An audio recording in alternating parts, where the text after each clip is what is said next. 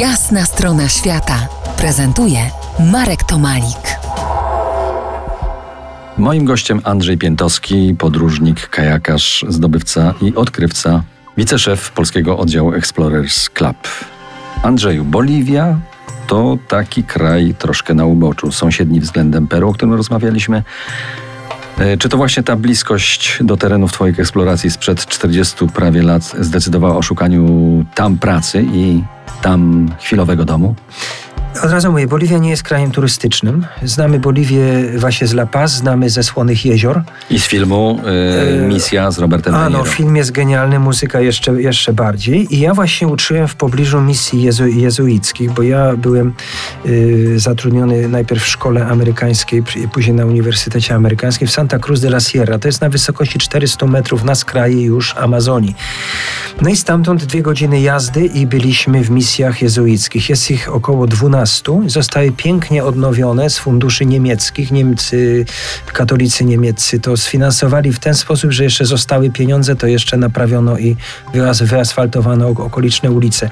I tam spotkałem się właśnie z potomkami Indian Guarani, którzy nota, notabene pobili Inków. To była chyba jedyna przegrana batalia Inków tam na terytorium Boliwii. To są te, ci Indianie zostali sportretowani z, y, w filmie właśnie Misja z Yy, tak. Robertem De Niro. Tak, to jest późniejszy już okres, no ale misje się zbyt rozwinęły, zbyt były dobrze zorganizowane i hamowały handel niewolnikami, bo tam się zapuszczali handlarze uzbrojeni, całe wsie, tak jak później w Afryce, wywożono stamtąd ludzi do pracy i misjonarze y, y, ten proceder przerwali.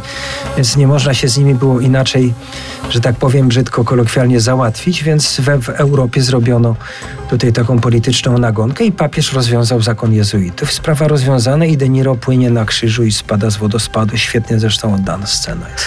W Boliwii byłem przez chwilę, ale nie odniosłem wrażenia, że to, tak jak mówisz, to jest kraj turystyczny. La Paz zapamiętałem jako najdziwniejsze miasto, w jakie kiedykolwiek widziałem, leżące jakby w kraterze wulkanu, z tym, że na dnie tego krateru, tego piekła mieszkają najbogatsi. Dlaczego?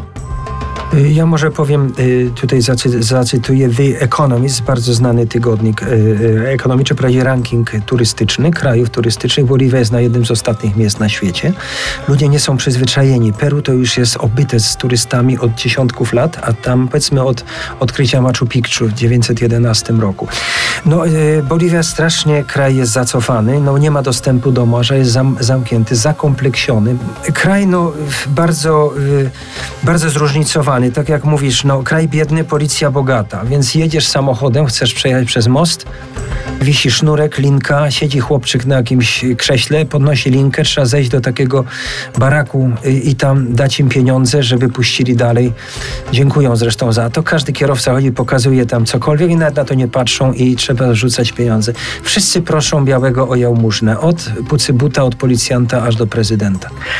Za kilkanaście minut zmienimy kontynent, przemieścimy się do Afryki, do Nigerii, gdzie Andrzej Piętowski żył i pracował jako nauczyciel przez trzy lata. Zostańcie z nami po jasnej stronie świata. To jest Jasna strona świata w RMF Classic.